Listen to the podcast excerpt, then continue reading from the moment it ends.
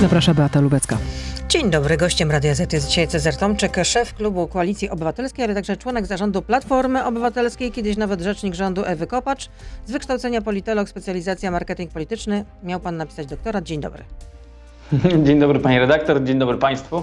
Bardzo długie to przypomnienie, ale rzeczywiście e, prawdziwe. No i jeszcze mąż Ewy oraz dwóch synów Leosia i Adasia, którzy uczą się w systemie hybrydowym. Tak, ten system hybrydowy dla wszystkich nas jest bardzo trudny, szczególnie jak się nie trafi, mówię tutaj do wszystkich rodziców, żeby dzieci chodziły do szkoły w tym samym czasie, bo teraz u mnie jest tak, że jeden syn jest w szkole, a drugi syn jest w domu. I to w ogóle jest e, no, bardzo trudne e, do połączenia i wydaje się, że też niespecjalnie mądre, bo cała szkoła jest pusta i tak naprawdę dzieci e, chodzą do szkoły w taki sposób, że każdy z nich ma swoją odrębną klasę. No ale nie jest pan tym odosobniony, bo wielu rodziców jest w takiej sytuacji. Tata w Tak. pracy właśnie teraz i, i można powiedzieć, że to się porobiło i Jarosław Kaczyński pewnie zaciera ręce, no bo opozycja jest podzielona bardziej niż zwykle. Lewica poprze ratyfikację Funduszu Odbudowy, unijnego Funduszu Odbudowy powiedzmy, choć nie poprze jej Solidarna Polska, koalicyjny y, partner. Y, Politycy i polityczki lewicy mówią, że y, dostali wszystko, co chcieli od premiera Morawieckiego. No właśnie. y, Myślę, że czas na obalenie kilku mitów, y, ale na samym początku y, myślę, że dla wszystkich nas jest potrzebna ważna deklaracja. Po pierwsze, my jesteśmy absolutnie przekonani, wszyscy to wiemy, pani redaktor to wie i wszyscy politycy w Polsce, może poza Solidarną Polską, że te pieniądze do Polski tak czy tak trafią. Czy one trafią w pierwszym głosowaniu, czy w drugim, na pewno do Polski trafią. Dzisiaj y, zadaniem całej opozycji jest zabezpieczenie tych pieniędzy dla Polaków, żeby one po prostu, mówiąc wprost i brutalnie, nie zostały rozkradzione przez y, partię oszustów, przez PiS. To jest dzisiaj zadanie, które przed nami stoi. Dobrze, E, y, rozumiem, taka, rozumiem, ale tylko, powiem jeszcze- tak, ale tylko powiem tak. Tak. To dlaczego y, nie mówiliście o tym na przykład pod koniec ubiegłego roku, kiedy wychodził Borys Budka, przewodniczący Platformy Obywatelskiej, mówił, że my poprzemy ten budżet, poprzemy fundusz odbudowy, dajemy gwarancję, a ten, kto zawetuje budżet, to ociera się o y, zdradę polskiej racji stanu. No to przepraszam Ale ja bardzo. dlatego, tak, tak, oczywiście, pani redaktor i szanowni państwo, i tak jak powiedziałem na samym początku, jeszcze przed pani pytaniem, ja jestem absolutnie przekonany, że te pieniądze do Polski trafią. Ja jestem za tym, żeby fundusz y, był rozdysponowany w Polsce. Dzisiaj, w związku z tym, że PiS nie ma większości, no bo wie pani, że nie ma, w związku z tym, że Solidarna Polska e, No to, nie chce wie, to głosować... już wiemy, no ale lewica Ale nie, nie, ale to dołoży jest swoje ważne, włosy. To jest bardzo ważne, że tak naprawdę dzisiaj naszą rolą jest tylko zabezpieczenie tych pieniędzy. E, I to jest dzisiaj e, funkcja opozycji. Jeżeli ktoś e, robi coś takiego jak wczoraj lewica, no to niestety okazuje się, że e, będą z tego ogromne problemy, dlatego że lewica, i to jest to, co chciałem pani redaktor powiedzieć, lewica wczoraj nie wynegocjowała niestety nic. To są rzeczy, które już są zapisane w Krajowym Planie Odbudowy. To są rzeczy, do których, z którymi przyszedł do Senatu pan minister Buda, które są zapis, zapisane w oficjalnych dokumentach e, z konsultacji społecznych i nie ma tam nic nowego, pani redaktor. I to jest najgorsze, bo to jest No dobrze, niszczenie negocjacji, które są przed nami. I ja dzisiaj wzywam lewicę do tego, żeby wróciła do wspólnego stołu z opozycją, bo my musimy zrobić wszystko, żeby zabezpieczyć te pieniądze przed kradzieżą. Czyli Pana zdaniem Lewica powinna się e, wycofać z tych ustaleń z premierem Morawieckim i powiedzieć, że jednak nie zagłosujemy za funduszem odbudowy, tak? Nie, nie, to nie chodzi, pani redaktor, to nie chodzi o głosowanie. PiS nie ma większości. Większość ma w tej sprawie opozycja. W związku z tym opozycja musi postawić takie warunki, które będą spełnione, które będą zagwarantowane w ustawie, a nie które będą słowem honoru Morawieckiego, który dwa razy został skazany za No, kłamstwo. ale Lewica już zadeklarowała swoje ale tylko, do, tylko dokończę, pani redaktor. Jak się muszą dzisiaj czuć wyborcy lewicy, e, kiedy trzy miesiące temu politycy lewicy pod kancelarią premiera krzyczeli będziesz siedział? Jak się czują dzisiaj kobiety e, pałowane na ulicach w czasie protestów? Jak się czują e, ci byli wojskowi, którym PiS zabrał emerytury? E, To są dzisiaj historie, które się dzieją na naszych oczach. Rozbicie opozycji. Najpierw myślałem, że to jest po prostu naiwność, szczerze mówiąc. A potem zobaczyłem, jak premier Morawiecki wyszedł na konferencję na wydrukowanych wcześniej billboardach, godzinę po spotkaniu z lewicą i wszystko stało się jasne. Oni po No, prostu skoro rozmowy, były, skoro rozmowy były przeprowadzane już e, od kilku dni, ale tylko dlaczego nie próbowaliście ostrzec lewicy, żeby nie przykładali do tego ręki? Jeśli waszym zdaniem te pieniądze pójdą na to, żeby e, PiS je, e, nie wiem, użyło w czasie kampanii wyborczej, żeby je rozkradło, jak pan mówi? Ostrzegaliśmy lewicę wielokrotnie. Ja rozmawiałem o tym z przewodniczącym klubu lewicy przecież dzień wcześniej, też publicznie. W jednej z telewizji. I to jest dzisiaj fundament jeżeli rozbije się w Polsce opozycję, jeżeli opozycja e, będzie koncesjonowana, to daleko nie zajedziemy. To nigdy nie wygramy z PiSem. PiS Dobrze. stracił większość, pani redaktor. Ale ja powiem jeszcze jedno, ale, bo pan mówi, że, że, nie zrozumieją tego wyborcy lewicy, ale jak zrozumieją tak. to wasi wyborcy? Skoro wy się y, zawsze pozycjonujecie w ten sposób, że, jesteście partią proeuropejską, entuzjastycznie proeuropejską, a teraz zagłosujecie przeciwko ratyfikacji ale, y, planu ratunkowego dla gdzie, Europy znaczy, po pandemii. Ale ja, y, panie redaktor, ale od nas takiego komunikatu pani nie usłyszała. Proszę nie wkładać w, moich, y, w moje usta jakby komunikatów, które no, nigdy nie wybrzmiały. Ja jeszcze raz, jeszcze raz powiem, my jesteśmy absolutnie za tym, żeby pieniądze europejskie trafiły do Polski. Tylko musimy je odpowiednio zabezpieczyć. I dzisiaj, jeszcze raz zwracam się do wszystkich y, polityków lewicy, ale też do wyborców, żeby naciskali na posłów, żeby wrócić do wspólnego opozycyjnego stołu, po to, żeby zabezpieczyć te pieniądze dla Polski.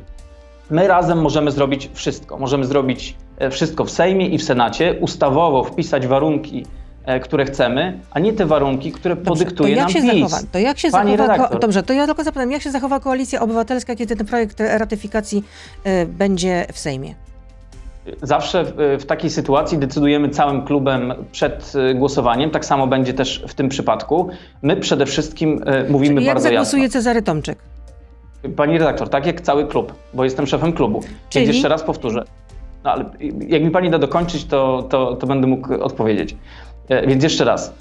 My jesteśmy absolutnie przekonani, że warunki, twarde warunki w sprawie wydatkowania pieniędzy unijnych muszą być zapisane Dobrze, w ustawie ratyfikacyjnej. E, z całym szacunkiem, panie przewodniczący, pan już to mówił, a ja stawiam konkretne pytanie. Jak klub e, Koalicji Obywatelskiej zagłosuje, kiedy projekt ratyfikacji będzie już w Sejmie?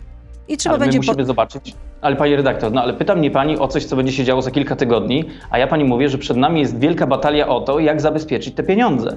Przecież to od tego, co się wydarzy w Sejmie, od tego, co się wydarzy w Senacie, od tego, czy będzie ustawa, czy nie będzie, czy pieniądze uda się zabezpieczyć, będzie zależało nasze głosowanie. Tak samo będzie zależało głosowanie PSL-u e, i głosowanie e, Szymona Hołowni. Problem dzisiaj polega na tym, że lewica. Czyli co musiałoby się stać, żebyście, żebyście zagłosowali? Dokończę, tylko dokończę myśl, dobrze? Lewica dzisiaj rozbiła jedność opozycji, osłabiła pozycję negocjacyjną wszystkich i dzisiaj jest czas, żeby wrócić do wspólnego stołu. I nie słyszę po raz trzeci ten komunikat. Sprawie... Rozumiem, że to jest narracja, z którą pan tutaj przyszedł. Słyszę po raz trzeci, natomiast nie odpowiedział pan na pytanie, co musiałoby się stać, żeby Koalicja Obywatelska zagłosowała za projektem ratyfikacji Unijnego Funduszu Odbudowy. Ale I ja już odpowiedziałem na to pytanie. Potrzebna jest ustawa, w której ustawa ratyfikacyjna, w której jasno będą zapisane twarde warunki, na jakich podstawie PiS będzie mógł wydawać e, pieniądze w Polsce. Jeżeli PiS y, będzie chciał te pieniądze przeznaczyć dla pana Obajtka, dla pana Misiewicza, na spółki Skarbu Państwa albo po to, żeby kupić Radio Z, a później TVN, to za chwilę obudzimy się w miejscu, w którym nikt z nas nie chce żyć. Dzisiaj żyjemy w Polsce, w którym rządzi rząd, który zmierza w kierunku wschodu. Wszyscy to wiemy. Dzisiaj podawanie dłoni, pomocnej dłoni temu rządowi jest zbrodnią na polskiej y, demokracji. I to I... też wiemy. I tutaj muszę skończyć tę część radiową. Cezary Tomczyk oczywiście z nami zostaje. Od Wybierajmy teraz już jesteśmy wspólnie. Od teraz już jesteśmy na Facebooku i na Radio ZPL. Beata Lubecka, zapraszam. No i przypomnę, że naszym gościem jest y, Cezary Tomczyk, y, szef klubu Koalicji Obywatelskiej, ale także zasiadający w zarządzie Platformy Obywatelskiej. No teraz jednak człowiek mocno w tym kręgu decydenckim, tak można powiedzieć. Na początek zapytam, a ile y, udało się zebrać podpisów pod y, projektem obywatelskim, który miałby doprowadzić do likwidacji y, te, y, kanału TVP Info?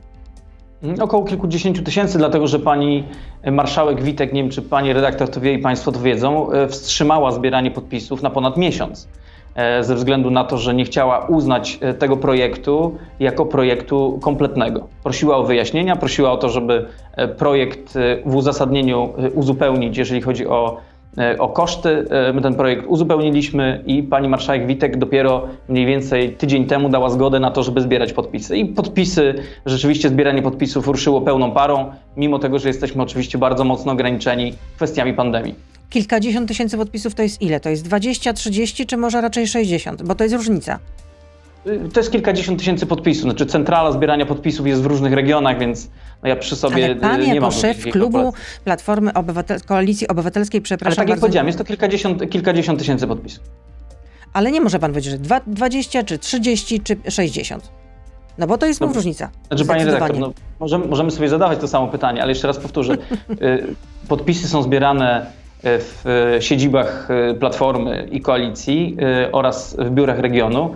Y, y, No i tam są dokładne liczby, więc tak jak powiedziałem, no, z takich szacunkowych informacji, które mam, jest to kilkadziesiąt tysięcy podpisów.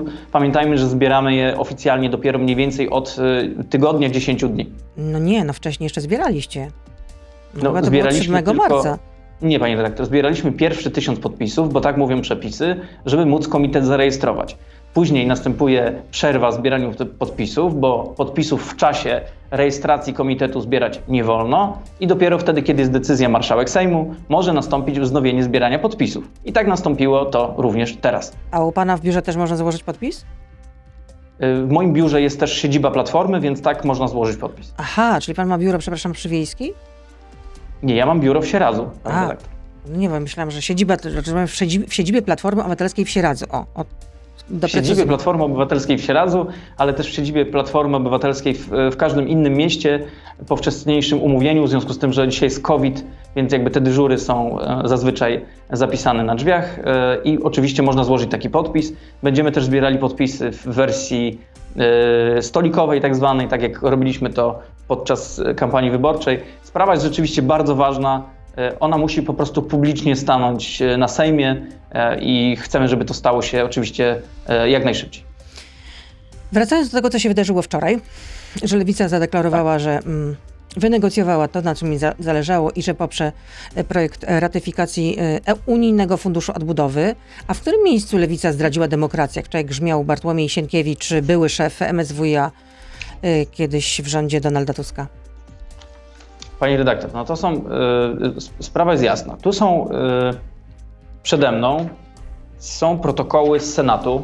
Ja to dzisiaj upublicznię. To są protokoły z Senatu, które, mm, jakby, które przyniósł do, do Senatu pan minister Buda. To, są, to jest wynik konsultacji społecznych sprzed miesiąca. I w wyniku tych konsultacji y, możemy ustalić, że rzeczy, które Wiceminister niby Funduszy i Polityki Regionalnej, dodajmy, żeby było Tak. jasność. Waldemar Dubik. że, że sprawy, które niby ustaliła lewica, tak naprawdę e, wpisane są w te y, konkluzje. Między innymi przeczytam pani redaktor. Rozszerzony zostanie również skład Komitetu Monitorującego KPO przedstawicieli resortów, samorządów terytorialnych, przedsiębiorców, strony społecznej oraz NGO-sów. KPO, czyli Krajowy Plan skoro To jest, Odbudowy. dokument, to jest dokument sprzed miesiąca. I takich rzeczy, takich cytatów y, mam więcej, jeśli Czyli będzie pani rozumiem, że y, Lewica została wystrzechnięta Teraz- na dudka, tak? I teraz oczywiście. Więc teraz tak. Jakby wszyscy byliśmy świadkami po prostu ustawki e, polityków z politykami. E, wiemy, że to lewica zgłosiła się do PiSu. E, wiemy, że to e, de facto PiS podyktował te warunki, tak żeby lewica e, i pan Czarzasty mogli w tej sprawie wyjść z twarzą. A czemu miałaby No służyć taka ustawka? I zobaczyliśmy, panie redaktor, że to jest ustawka dwie godziny później, kiedy premier stanął na tle To billboardów. już pan mówił w części radiowej, ale czemu Tak, miałaby ale to służyć taka ustawka? Czemu mogła służyć taka ustawka? Tak. No przecież no, widzieliśmy komunikat lewicy. No, lewica chciała udowodnić, że w tej sprawie jest w stanie coś wynegocjować, a tak naprawdę y, po prostu w przededniu negocjacji y, całej opozycji popsuła y, te negocjacje. Dzisiaj trzeba wrócić do wspólnego stołu i starać się, żeby jak najszybciej y, to zaufanie odbudować. A czy Platforma nie zostanie wyrzucona z Europejskiej Partii Ludowej, a Donald Tusk nie, zastąpi, nie, nie zostanie pozbawiony stanowiska przewodniczącego Europejskiej Partii Ludowej po tym, jak zagłosujecie przeciwko ratyfikacji Unijnego Funduszu Odbudowy? Ale bo, y, Taką tezę stawia wiceminister y, Buda, wywołany A, przez pana. Buda. No tak, bo przecież wiceminister Buda z PiSu to życzy dobrze zarówno Donaldowi Tuskowi, jak i Platformie Obywatelskiej. Dzisiaj, e, jak pani włączy TVP Info, można zobaczyć na przykład, że Lewica jest liderem opozycji. E, I można zobaczyć, No, jak liderem dziennikarze opozycji to TVP teraz jest Info, Szymon Hołownia. Sami, którzy, ci sami, którzy niszczą w Polsce każdego dnia debatę publiczną i demokrację, chwalą lewicę. Jak wczoraj patrzyłem na chwalącego lewicę marszałka Terleckiego, no to już wszystko chyba było jasne, prawda? No to co, w takim razie po wyborach będzie y, rządziło PiS z lewicą? E, Pani redaktor, my musimy zrobić wszystko, żeby lewica wróciła do opozycyjnego stołu e, i żeby e, też lewica dostała od swoich wyborców jasny sygnał, że tak się po prostu nie postępuje. Wyciąganie ręki do PiSu wtedy, kiedy on upada, no, doprowadziło do tego, że dzisiaj jest dwóch wygranych w całej tej sytuacji. Jest to pan Ziobro i pan Kaczyński. I to też chyba już wszyscy wiemy. Wydaje mi się, że największym wygranym jest tutaj jednak e, Jarosław Kaczyński. Mm, no wie pani co, Ziobro jest y, dzisiaj człowiekiem, który dostał pozwolenie, żeby głosować przeciwko, który może się uwiarygodnić w tym swoim najtwardszym elektoracie, więc jest wygrany. E, ciekawe, co na to politycy lewicy w kontekście sprawy chociażby z Barbarą Blidą, bo to też jest y, wyjątkowa sytuacja. E, I Kaczyński, który de facto zyskał większość głosami lewicy. No dobrze, to Więc skoro w takim razie, uważam, że tych dwóch skoro pana zdaniem lewica się skompromitowała, to jak teraz miałaby wyglądać ta współpraca między wami? No ja, jest dokładnie tak, jak powiedziałem. Ja bym chciał, żeby lewica jak najszybciej wróciła do e, tego opozycyjnego stołu. Przecież błędy można popełnić. Ja najpierw myślałem, że to jest naiwność, później widziałem, że to jest ustawka, ale no, y, dzisiaj potrzebna jest też jakby taka jasna y, presja i jasne powiedzenie, że trzeba wrócić do wspólnego stołu. Jeszcze nie było głosowania, jeszcze się nic nie wydarzyło. E, I tak jak powiedziałem, proszę y, też nie wkładać jakby w moje usta, że my będziemy głosowali tak czy siak. My będziemy decydowali przed głosowaniem, chcemy, żeby te pieniądze trafiły do Polski, tylko w związku z tym, że dzisiaj opozycja ma w tej sprawie większość i może na PiSie wymusić warunki, powinna działać razem i te warunki powinny być zapisane e, w ustawie, a nie być na słowo honoru Morawieckiego, człowieka, który dwa razy został skazany za kłamstwo. No jak można jemu uwierzyć? Przecież on powinien stanąć przed Trybunałem Stanu. Wczoraj, gdyby nie ta, to pseudo spotkanie lewicy, to wczoraj tematem dnia byłby raport NIK-u, który mówi, że pan premier Morawiecki powinien stanąć przed Trybunałem Stanu. Tego raportu jeszcze nie ma. Pawłowicz, Te, tego raportu jeszcze nie, nie, nie, nie ma de facto i słyszymy, że jednak ten raport ma być złagodzony, jeśli chodzi o y, premiera Morawieckiego. Do tego jeszcze wrócimy, natomiast chciałabym dopytać, y, czy w takim razie, y, jak wy teraz będziecie współpracować, jeśli chodzi o poparcie wspólnego kandydata o opozycji w Rzeszowie? Pani dyrektor, no to właśnie jakby, no, to jest dokładnie to, o czym mówię. Razem jesteśmy silniejsi. E, kwestia Rzeszowa kwestia yy, yy, Ale jak macie teraz po tym, co się wydarzyło, tego współpracować? No nie, no nie Ale to właśnie chcę, chcę, chcę to powiedzieć, że po pierwsze musimy sobie zdać sprawę, że razem jesteśmy silniejsi. Że tylko razem, że tylko solidarnie i tylko uczciwie wobec siebie jesteśmy w stanie postępować. I ten Rzeszów jest tego najlepszym przykładem. Będziemy współpracować w sprawie Rzeszowa i ja jestem głębokim zwolennikiem tego, żeby jak najszybciej odbudować zaufanie między nami i żeby jak najszybciej lewica wycofała się z tych y, dziwnych negocjacji Słyszymy z PiSem, nie PiSowi dłoni i tyle. Łukasz pyta, Koalicja Obywatelska atakuje Lewicę, oskarża o zdradę, wspieranie PiSu. Czy nie brakuje lojalności na waszym podwórku? Gdzie państwo byli, gdy było głosowanie za Ikonowiczem na RPO? Czemu Lewicy nie poinformowano o rozmowach z Gowinem oraz za plecami Lewicy ogłaszano pomysły Koalicji 276? Mhm. No więc jeżeli chodzi, y, bo przepraszam, bo tam pytań było sporo, y, może zacznijmy od jakiegoś pierwszego.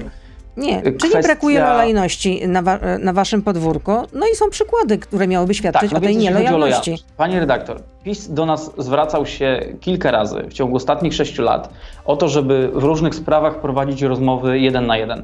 Nigdy się na to nie zgodziliśmy. Naszym warunkiem, e, warunkiem niezmiennym jest to, że jeżeli rozmawiać z PiSem, to tylko w ramach całej opozycji. E, I tak było do tej pory, wtedy, kiedy rozmawialiśmy chociażby o epidemii. Przecież najpierw PiS zgłosił się do nas. E, że chce w tej sprawie rozmawiać. My powiedzieliśmy, jesteśmy gotowi do rozmów, ale tylko w ramach całej opozycji. I takie rozmowy nastąpiły. Jeżeli chodzi o kwestię Jarosława Gowina. E, Jarosław Gowin nie jest z PiSu i z Jarosławem Gowinem rozmawialiśmy w sprawie e, wyrzucenia w kosmos wyborów kopertowych po to, żeby PiS osłabić, a nie po to, żeby PiS wzmocnić. I to jest zasadnicza różnica. A koalicja 276? Sprawie.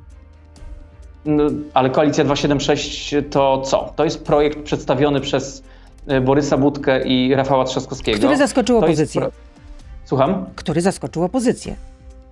Y, no to też nie jest do końca prawda, dlatego że y, ja byłem osobiście świadkiem, jak przewodniczący Budka rozmawiał z Włodzimierzem Czerzastym dzień wcześniej. Ja osobiście rozmawiałem z Piotrkiem Zgorzelskim, z PSL-u y, oraz z Władkiem Kosiniakiem-Kamyszem. Zresztą oni mówili też o tym publicznie, więc oczywiście, że informowaliśmy swoich partnerów. Natomiast jakby polityka taka jest, że y, niestety czasami te słowa później y, padają takie, a nie inne. Projekt jest jak najbardziej aktualny. Projekt dotyczy przede wszystkim tego, żebyśmy wybrali taki sposób też w przyszłości, nie tylko współpracy teraz, żeby zagwarantować sobie 276 mandatów w Sejmie, czyli tyle, ile pozwoli na odrzucenie weta prezydenta Dudy. Cezary Tomczyk jest z nami, przewodniczący Klubu Koalicji Obywatelskiej. Czy pozycja przewodniczącego Borysa Budki jest zagrożona, jeśli jako Pan lidera Platformy? Jasne. Pan przewodniczący Borys Budka został wybrany na czteroletnią kadencję, tak samo jak wcześniej y, Grzegorz Schetyna, a wcześniej Donald Tusk. Więc y, w, y, w, Platformie jest po prostu kadencyjność i tak to działa. No to, to, rzeczy, to powołam, które... się, powołam się na to, co powiedział wczoraj Grzegorz Schetyna w Polsat News. Jesienią mhm. będą wybory we, na wszystkich szczeblach. To pytanie się naturalnie pojawia. Czy będą także wybory przewodniczącego, bo kadencja trwa od dwóch do czterech lat. Ten temat jest w PO dyskutowany, tak mówi by, były lider Platformy Obywatelskiej. Temat jest hmm. dyskutowany. Znaczy ja pamiętam akurat y, słowa Grzegorza Schetyny i Grzegorz Schetyna zawsze w tej sprawie miał jasne zdanie. Nie sądzę, żeby w tej sprawie coś się zmieniło, więc na jesieni będą y, wybory regionalne na wszystkich szczeblach. Tak to jak znaczy na poziomie powiedziałam, tak gmin, tak jak powiedział Grzegorz tak, Schetyna. Tak, na poziomie gmin, powiatów i województw. Natomiast kadencja przewodniczącego Platformy jest y, odróżniona w statucie, trwa 4 lata i o tym mówił Grzegorz Schetyna również wcześniej, wtedy kiedy był przewodniczącym Platformy. E, ja znam taki cytat wtedy, kiedy mówił, że kadencja przewodniczącego Platformy trwa 4 lata, to jest dla wszystkich w Platformie jasne. Ale w, w sondażach regularnie wyprzedza was, was już Szymon Hołownia polityczna nowalika, człowiek, który nie ma żadnego doświadczenia w polityce. No i to już nie jest wypadek przy pracy, tylko utrzymująca się tendencja, co potwierdza wiele sondaży. Więc. Y, Pani, mhm. no, Panie redaktor, od, ostatnich, od ostatnich wyborów poparcie dla Platformy Jasne. Obywatelskiej spadło o jedną trzecią. Musicie sobie zadawać pytanie, dlaczego tak się dzieje? Dlaczego tak się dzieje? Z pełną y, pokorą podchodzimy, do kwestii y, sondaży. Mamy też swoje, widzimy jak to się zmienia. Widzimy, że emocje w, po stronie opozycji są duże i trzeba z tego wyciągać wnioski, wyciągamy każdego dnia. Pamiętamy też, e, jaka była historia z e, różnymi partiami, które pojawiały się w, na polskiej scenie politycznej. Dobrze, ale pytam e, pana o coś końcu... innego. Czy zadajecie sobie pytanie, dlaczego tak się dzieje? Bo na przykład Paweł Zalewski, Każ... poseł Platformy każdego... Obywatelskiej, wskazuje, że jego zdaniem dzieje się tak dlatego, że Platforma Obywatelska przesunęła się na lewo. No tak, no to też Panie redaktor, znaczy po pierwsze tak, myślę, że y, nikt, kto jest w, samej platformie, nie powinien stawiać publicznie takich test, bo po prostu to szkodzi platformie. No ale po przecież drugie, jesteście jest to partią demokratyczną, to co, przepraszam, dy, dyskusja drugie, ma być nie, nie, zablokowana? Mówię, że, że od tego są od tego są jakby oczywiście kluby, żeby o takich rzeczach rozmawiać. Po drugie, właśnie chodzi o to, że Platforma Obywatelska zawsze była i będzie partią centrum ze skrzydłami, ze skrzydłem liberalnym, ze skrzydłem konserwatywnym i to była zawsze nasza siła. I y, Paweł Zalewski na pewno doskonale o tym wie i każdy inny o tym wie, że to jest właśnie siła Platformy. Mamy skrzydło konserwatywne, ludzi absolutnie, e, którzy są z nami od 20 e, lat, od początku istnienia Platformy. Mamy też e, część posłów o poglądach absolutnie liberalnych. E, dlatego jakby jeżeli chodzi o kwestie światopoglądowe, u nas zawsze w tej sprawie była wolność sumienia i wolność głosowania. Łączyła nas za to i łączy nas chęć naprawy państwa. To jest taki element, który jest elementem i spoiwem, jeżeli chodzi o y, Platformę Obywatelską. Nic się w tej sprawie nie zmieniło.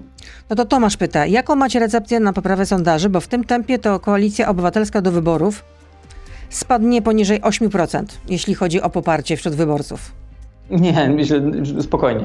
Jakby my naprawdę jakby wiemy dokładnie, jak to wygląda, wiemy dokładnie, jak to działa. E, cierpliwość tutaj jest bardzo potrzebna. Dzisiaj jest wiele partii opozycyjnych e, na tym rynku i bardzo dobrze. Dzisiaj jest najważniejsze, żeby prowadzić tą konkurencję pozytywną, żeby zderzać się na programy, żeby zderzać się na to, jaka będzie wizja państwa. Pokazaliśmy wizję polityczną, czyli to, że razem możemy więcej, to, że razem jesteśmy silniejsi. Udowodniliśmy też to przedstawiając badania, zresztą te badania później przeprowadziło też niezależnie e, Okopres. Wiemy, że jedna duża lista opozycji jest w stanie po prostu e, zniszczyć e, PiS w sensie wyborczym, doprowadzić do sytuacji, kiedy my ich po prostu rozbijemy w pył. Do tego dążymy, to jest nasz, nasz jakby polityczny cel. I tyle. Na tym się skupiamy. Po drugie, to są kwestie programowe. Przedstawiliśmy program zdrowotny, program dotyczący polityki zagranicznej, program dotyczący y, przedsiębiorców. W najbliższych tygodniach będziemy e, pokazywali program, program dotyczący młodych, ochrony młodych. środowiska. Słucham? A kiedy będzie program dla y, najmłodszych wyborców?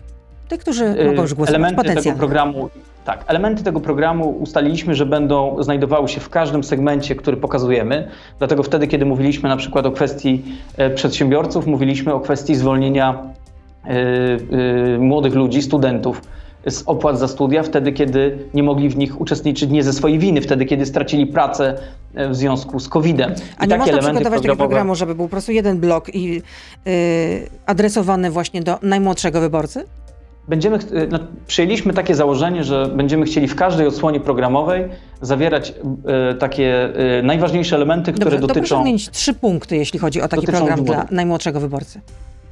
Jeżeli chodzi o najmłodszego mm -hmm. wyborcy, no panie redaktor, no po pierwsze mówiliśmy o zwolnieniu z opłaty za studia.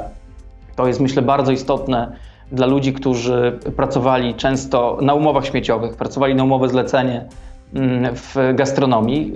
Chcemy, żeby E, młodzi ludzie, którzy są studentami, po prostu za studia e, nie musieli płacić, żeby państwo zrobiło to za nich. Druga kwestia to jest kwestia rozmaitych zniżek też teraz w, w czasie COVID-u na podróżowanie, przemieszczanie się po to, żeby ludziom po prostu było łatwiej, żeby te dodatki dla młodych były czymś normalnym. Trzeci element, który będziemy pokazywać za chwilę, to jest kwestia związana z ekologią. Y, i związana z ochroną środowiska, ale nie chciałbym tego w tej chwili odsłaniać, bo to jest jakby Czyli na razie się, to nie jest jeszcze, się, to nie jest jeszcze wydarzy, sprecyzowane. Znaczy to jest sprecyzowane, tylko no chcemy przedstawić to publicznie yy, i nie, nie będę tego robił ja. Chcemy zrobić to w ciągu najbliższych tygodni. Jakby kwestia walki ze smogiem, kwestia ekologii, kwestia naprawy klimatu. To są rzeczy, które dzisiaj bardzo interesują młodych ludzi. Współpracujemy też e, z nimi, e, bo e, no, oni w tej sprawie po prostu mają też no, ogromne wyczucie, więc to jest bardzo istotne dla nas. A czy, bo chciałabym wrócić do, do, do, tego tematu, który zresztą pan wywołał yy, i powiedziałam, że do tego wrócimy. Czy, czy premier mógłby stanąć przed Trybunałem Stanu za to, że dał zielone światło dla wyborów kopertowych, które ostatecznie się nie odbyły? No tak wynika mhm. z tej publikacji, yy, którą wczoraj zamieściło na swojej stronie, na swoim portalu Onet. Panie redaktor i szanowni państwo, premier absolutnie powinien stanąć przed Trybunałem Stanu za te nieudane wybory kopertowe. Zostało zmarnowanych 70 milionów złotych Zrobił to Jacek Sasin razem no nie, z no panem. No tutaj wynika, że generalnie, że jednak to centrum decyzyjne było w kancelarii premiera i powiedzmy tak. o co chodziło, że najpierw e, pan premier dysponował e, nieformal, nieformalnymi analizami prawnymi, z których wynikało, że e, te wyniki wyborów będzie można podważyć, czy nawet właśnie postawić przed Trybunałem Stanu ich organizatorów i pociągnąć do odpowiedzialności finansowej nawet. Tak. Y, wiemy, że PiS y, najpierw ubezwłasnowolnił Państwową Komisję Wyborczą, de facto likwidując przepisy, które pozwalały przeprowadzić w Polsce wybory. Później na podstawie ustawy covidowej premier wydał dyspozycję ministrom w celu zorganizowania wyborów. Nie mógł tego zrobić. Jest to nielegalne, sprzeczne z konstytucją. No dobrze, ale jak pan e, przeczytał I... tą, tą publikację Onetu, to co pana najbardziej zbulwersowało? Znaczy, pani redaktor, ja uczestniczyłem akurat w tej sprawie bardzo mocno, bo ja y, osobiście byłem na kontrolach poselskich, zarówno w Kancelarii Prezesa Rady Ministrów, jak i w y, y, Ministerstwie Aktywów Państwowych. I ja to wszystko znam od środka. Byłem też w Polskiej Wytwórni Papierów Wartościowych. Ja pamiętam te rozmowy. Znaczy, to było w każdej mierze szokujące. Na gębę, bez żadnych umów, na rympał, w ciągu kilkudziesięciu dni miano przygotować wybory, które były niezgodne z prawem, niezgodne z polską konstytucją i odpowiadał za co Jacek Sasin, czyli mistrz polskiej organizacji. Ja bym mówię pani, pani redaktor, ja bym mu nie dał do poprowadzenia po prostu kiosku, a co dopiero y, wyborów w Polsce. Więc no, sytuacja jest wyjątkowa i ktoś za to powinien odpowiedzieć. Tylko kto miałby, 70 milionów złotych Tylko kto miałby postawić premiera przed Trybunałem Stanu, kiedy pamiętamy, że w 2015 roku, kiedy było głosowanie w sprawie postawienia przed Trybunałem Stanu Zbigniewa Ziobry, to jak wtedy zachowała się Platforma Obywatelska? Czołowni, prominentni politycy Platformy nie zagłosowali za tym wnioskiem, bo na przykład ich nie było na głosowaniu. Nie było też e, kilku posłów innych opcji e, politycznych, jak pani pamięta. I Aha, czyli zawsze e, to jest inni jacyś, tylko nie Platforma. Ale nie, nie, ale ja bardzo chętnie, po pierwsze ja głosowałem za, żeby było jasne, po drugie wtedy była informacja, która pochodziła z Sejmu, że jest w tej sprawie bezpieczna większość i tyle, a taki błąd nigdy więcej nie może się powtórzyć i to jest absolutnie jasne. Przecież właśnie z takich błędów trzeba wyciągnąć wnioski i z takich błędów wyciągamy wnioski. Nigdy więcej taka historia nie może się w polskim Sejmie powtórzyć, żeby ludzie, którzy e, powinni odpowiedzieć e, przed Trybunałem Stanu, nie odpowiadali. Ale chciałbym też jedną rzecz podkreślić. Polskie państwo, wolna Polska, skazała nieprawomocnym wyrokiem pana Mariusza Kamińskiego, który jest dzisiaj ministrem spraw wewnętrznych koordynatorem do spraw służb specjalnych, ale także pana Wąsika, który nadzoruje polskie służby. To polskie państwo, niezależne sądy tych ludzi skazały za przekroczenie uprawnień. Dzisiaj oni stoją na czele y, polskich służb. Polskie państwo zadziałało. Zadziałała wtedy Sam prokuratura, zauważył, że... zadziałały sądy i pamiętajmy o no tym, wynik, nie dajmy sobie że wyrok wmówić, był nieprawomocny. że polskie państwo nie rozliczało tych ludzi. Wyrok był nieprawomocny, decyzją y, prezydenta Dudy dalszy proces tak, sądowy oczywiście. został uniemożliwiony. Oczywiście, że tak. Zresztą też nielegalnie, bo trudno e, ułaskawić kogoś, kto nie ma prawomocnego wyroku, więc e, w imię. Były były kontrowersje prawa, na, samym, na samym początku, to prawda. Oczywiście. E, Sylwia pyta, czy Platforma nie powinna wysłać samych najsilniejszych posłów do Rzeszowa, aby w dzień i w nocy pracowali na sukces i zwycięstwo w pierwszej turze kandydata opozycji? Absolutnie tak. E, będziemy w Rzeszowie bardzo silnym poselskim składem już w czwartek. W czwartek też Rada Krajowa w Rzeszowie. E, w Rzeszowie było już mnóstwo posłów Koalicji Obywatelskiej. Właściwie to codziennie jest tam ktoś od nas. 4 maja będą też kobiety, nasze posłanki, dlatego że będzie tam takie spotkanie właśnie specjalnie dla kobiet, organizowane w ramach kampanii. Pomagamy panu Fiołkowi jak możemy i rzeczywiście uważamy, że ten Rzeszów może być symboliczny, zarówno żeby pokazać, że opozycja współpracy, opozycja y, i współpraca na opozycji ma ogromny sens, a po drugie, żeby to był rzeczywiście taki moment przełomowy y, w polskiej polityce. To jest możliwe. Adam pyta, dlaczego Borysław Budka myli Wrocław z Rzeszowem i dlaczego nosi w klapie flagę innego państwa? Mm, nie rozumiem. Zdarzyła się taka to chyba wpadka. rozumiem, że to się odnosi do jakiegoś wywiadu, tak? Y, zdarzyła się taka wpadka y, panu przewodniczącemu, że rzeczywiście no, Panie w, redaktor, no, jasne, będąc w no, Rzeszowie ale... mówił o Wrocławiu, a wczoraj występując w jednej z telewizji miał w klapie, jak rozumiem, flagę biało-czerwoną, ale do góry nogami włożoną w tę klapę. No jeżeli się nam czasami w klapie coś yy, przekręci, no to chyba się zdarza i również panie redaktor, jak i każdemu z nas. No zdarza się, czyli rozumiem, że pewna nerwowość u pana przewodniczącego albo pośpiech odpowiedzialny jest. Czasami zakładamy marynarkę, to to, co mamy w klapie, może ulec pewnego, pewnemu przeobrażeniu. No a ta pomyłka, że jesteśmy w Rzeszowie, a nie we Wrocławiu? A czy zdarzył się Pani lapsus słowny kiedyś? O wiele razy. Wiele razy, tylko że no, ja nie jestem przewodniczącym, liderem Platformy Obywatelskiej. Ale jest Pani jedną z najważniejszych teraz... dziennikarek politycznych w Polsce. Bez Każdemu przesady, bez przesady. Ale akurat teraz y, można powiedzieć, że Borys Budka jest, y, tak można powiedzieć, w świetle reflektorów non-stop. Więc y, każde znaczy... jego wystąpienie jest mocno obserwowane też i komentowane. No ale rozumiem, no tak rzeczywiście, lapsusy zdarzają się każdemu. Nikt, nobody's perfect, cytując y, klasyka pół żartem, pół serio. Łukasz y, pyta, czy naprawdę koalicja obywatelska była tak naiwna, że wierzyła w obalenie rządu? No, znaczy, pani, y, pani Łukaszu, po pierwsze, my ten rząd prędzej czy później obalimy, żeby było jasne. Nikt z nas e, właściwie nie myśli o niczym innym, jakby w pierwszym kroku, jak obalenie tego rządu, w drugim kroku na wprowadzeniu zmian w Polsce i przeprowadzeniu e, takich zmian, które pozwolą realizować wizję państwa zachodniego, europejskiego, otwartego, e, tolerancyjnego i takiego, które docenia każdego obywatela. Więc jeżeli chodzi o kwestię rozbicia większości rządowej, jakby każdego dnia podejmujemy takie kroki. Ja coś, coś panu powiem i też powiem pani redaktor. Wczoraj. Nam, wszystkim. Y, znaczy tak, i, i, i wszystkim, no ale zwracam się do, do tego, kto zadał pytanie i do pani redaktor, która jest tutaj po drugiej stronie, że y, w, y, na opozycji odbywają się rozmaite rozmowy. Prowadzimy takie rozmowy z dwoma posłami z koalicji rządowej, którzy zastanawiają się nad tym, żeby koalicję rządową opuścić i stać się posłami niezależnymi, bo oni już nie chcą firmować tego, co się dzieje w Polsce. Oni wczoraj, po tym co zrobiła lewica, byli załamani bo oni zobaczyli y, czy uznali, że po drugiej stronie nie ma jedności, że oni nie wiedzą, czy w takim razie dobrze robią, czy, czy dobrze, dobrze myślą, że ten system rzeczywiście już y, upada. I to jest dzisiaj y, zasadnicze pytanie. Czy my zrobimy wszystko, żeby doprowadzić do upadku rządu PiSu? Tak, zrobimy wszystko, żeby doprowadzić do, rząd, do upadku rządu PiSu. Czy chcemy, żeby wybory były jak najszybciej w normalnych warunkach, bez telewizji polskiej, bez spółek Skarbu Państwa, gdzie to wszystko będzie neutralne. Tak, tego chcemy, żeby wybory były szybko, żeby były przeprowadzone w neutralnych warunkach, najlepiej przez techniczny rząd. Ja to znaczy w takim razie, że w takim razie, jeśli dobrze zrozumiałam, w ogóle chcielibyście zlikwidować telewizję polską? Nie. No bo tak pan powiedział, bez telewizji polskiej, więc. Y, bez telewizji polskiej jako narzędziem propagandy, panie redaktor. Y, chcemy, żeby techniczny rząd doprowadził do sytuacji, w której telewizja polska będzie po prostu normalną telewizją. Normalną, neutralną telewizją z dostępem dla każdego, również dla PiSu, y, również dla Lewicy, również ja dla PSL-u, również dla Platformy. Ja tam widzę tak, posłów Platformy mógł... Obywatelskiej. Słucham? Przecież ja tam widzę posłów Platformy Obywatelskiej.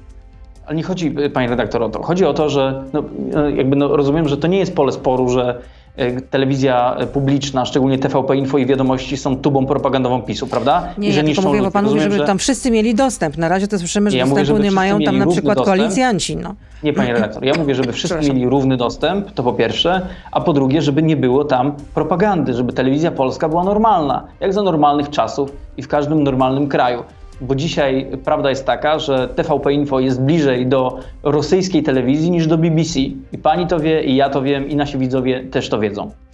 Pytanie jest od Gabriela. Y, tyle mówicie o walce z przywilejami Kościoła, tymczasem jak y, zachował się Pan podczas głosowania o przywrócenie Funduszu Kościelnego w 2013 roku.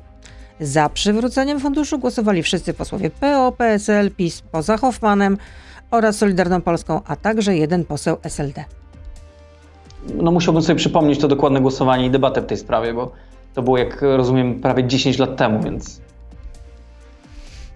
Ale z tak. naszej strony też mogę tylko jasno powiedzieć, że jakby jesteśmy absolutnie za likwidacją funduszu kościelnego i takie rozmowy, być może z tego wynikało to głosowanie, były prowadzone w roku 2014 pamiętam, i 2015. Pamiętam, i nic z tego I po prostu nie, nie zdążyliśmy, tego, nie, nie zdążyliśmy tego zrobić, ale nie ze względu na e, stosunek e, Kościoła katolickiego bo tu y, nie było większego problemu, tylko ze strony małych ośrodków wyznaniowych czy małych kościołów w Polsce pojawiła się wątpliwość, czy po prostu małe kościoły, takie jak kościół na przykład prawosławny, czy kościół prawosławny na tym y, nie straci. A y, chcieliśmy, żeby ta, to finansowanie było normalne, żeby było odpisem podatkowym, mm, a z racji tego, że ludzie, którzy często mieszkają na, na wschodzie Polski, no, nie mogą e, wspomóc tak, tak e, swojego kościoła jak inni. W związku z tym ten projekt wyhamował, ale absolutnie do likwidacji funduszu kościelnego wrócimy. Myślę, że to już jest właściwie przesądzone. Tak się po prostu stanie. I na końcu mam pytanie od siebie. Czy pan w końcu zrobił ten doktorat, który miał pan zrobić? Nie, jeszcze nie, jeszcze nie. Rozpocząłem e, oczywiście, ale jakby w związku z tym, czasu. co robię, w związku z tym... Nie ma czasu. A nie, jaki nie ma temat? Czasu, nie ma... Y, jaki temat? No, mm-hmm. myślę, chciałem kontynuować pracę, y, którą rozpocząłem jeszcze jako jakby młody adept Uniwersytetu Warszawskiego. Ja pisałem wtedy o, o wizerunku, o wizerunkach parlamentów narodowych w kontekście marketingu politycznego ze szczególnym ujęciem Sejmu i Senatu.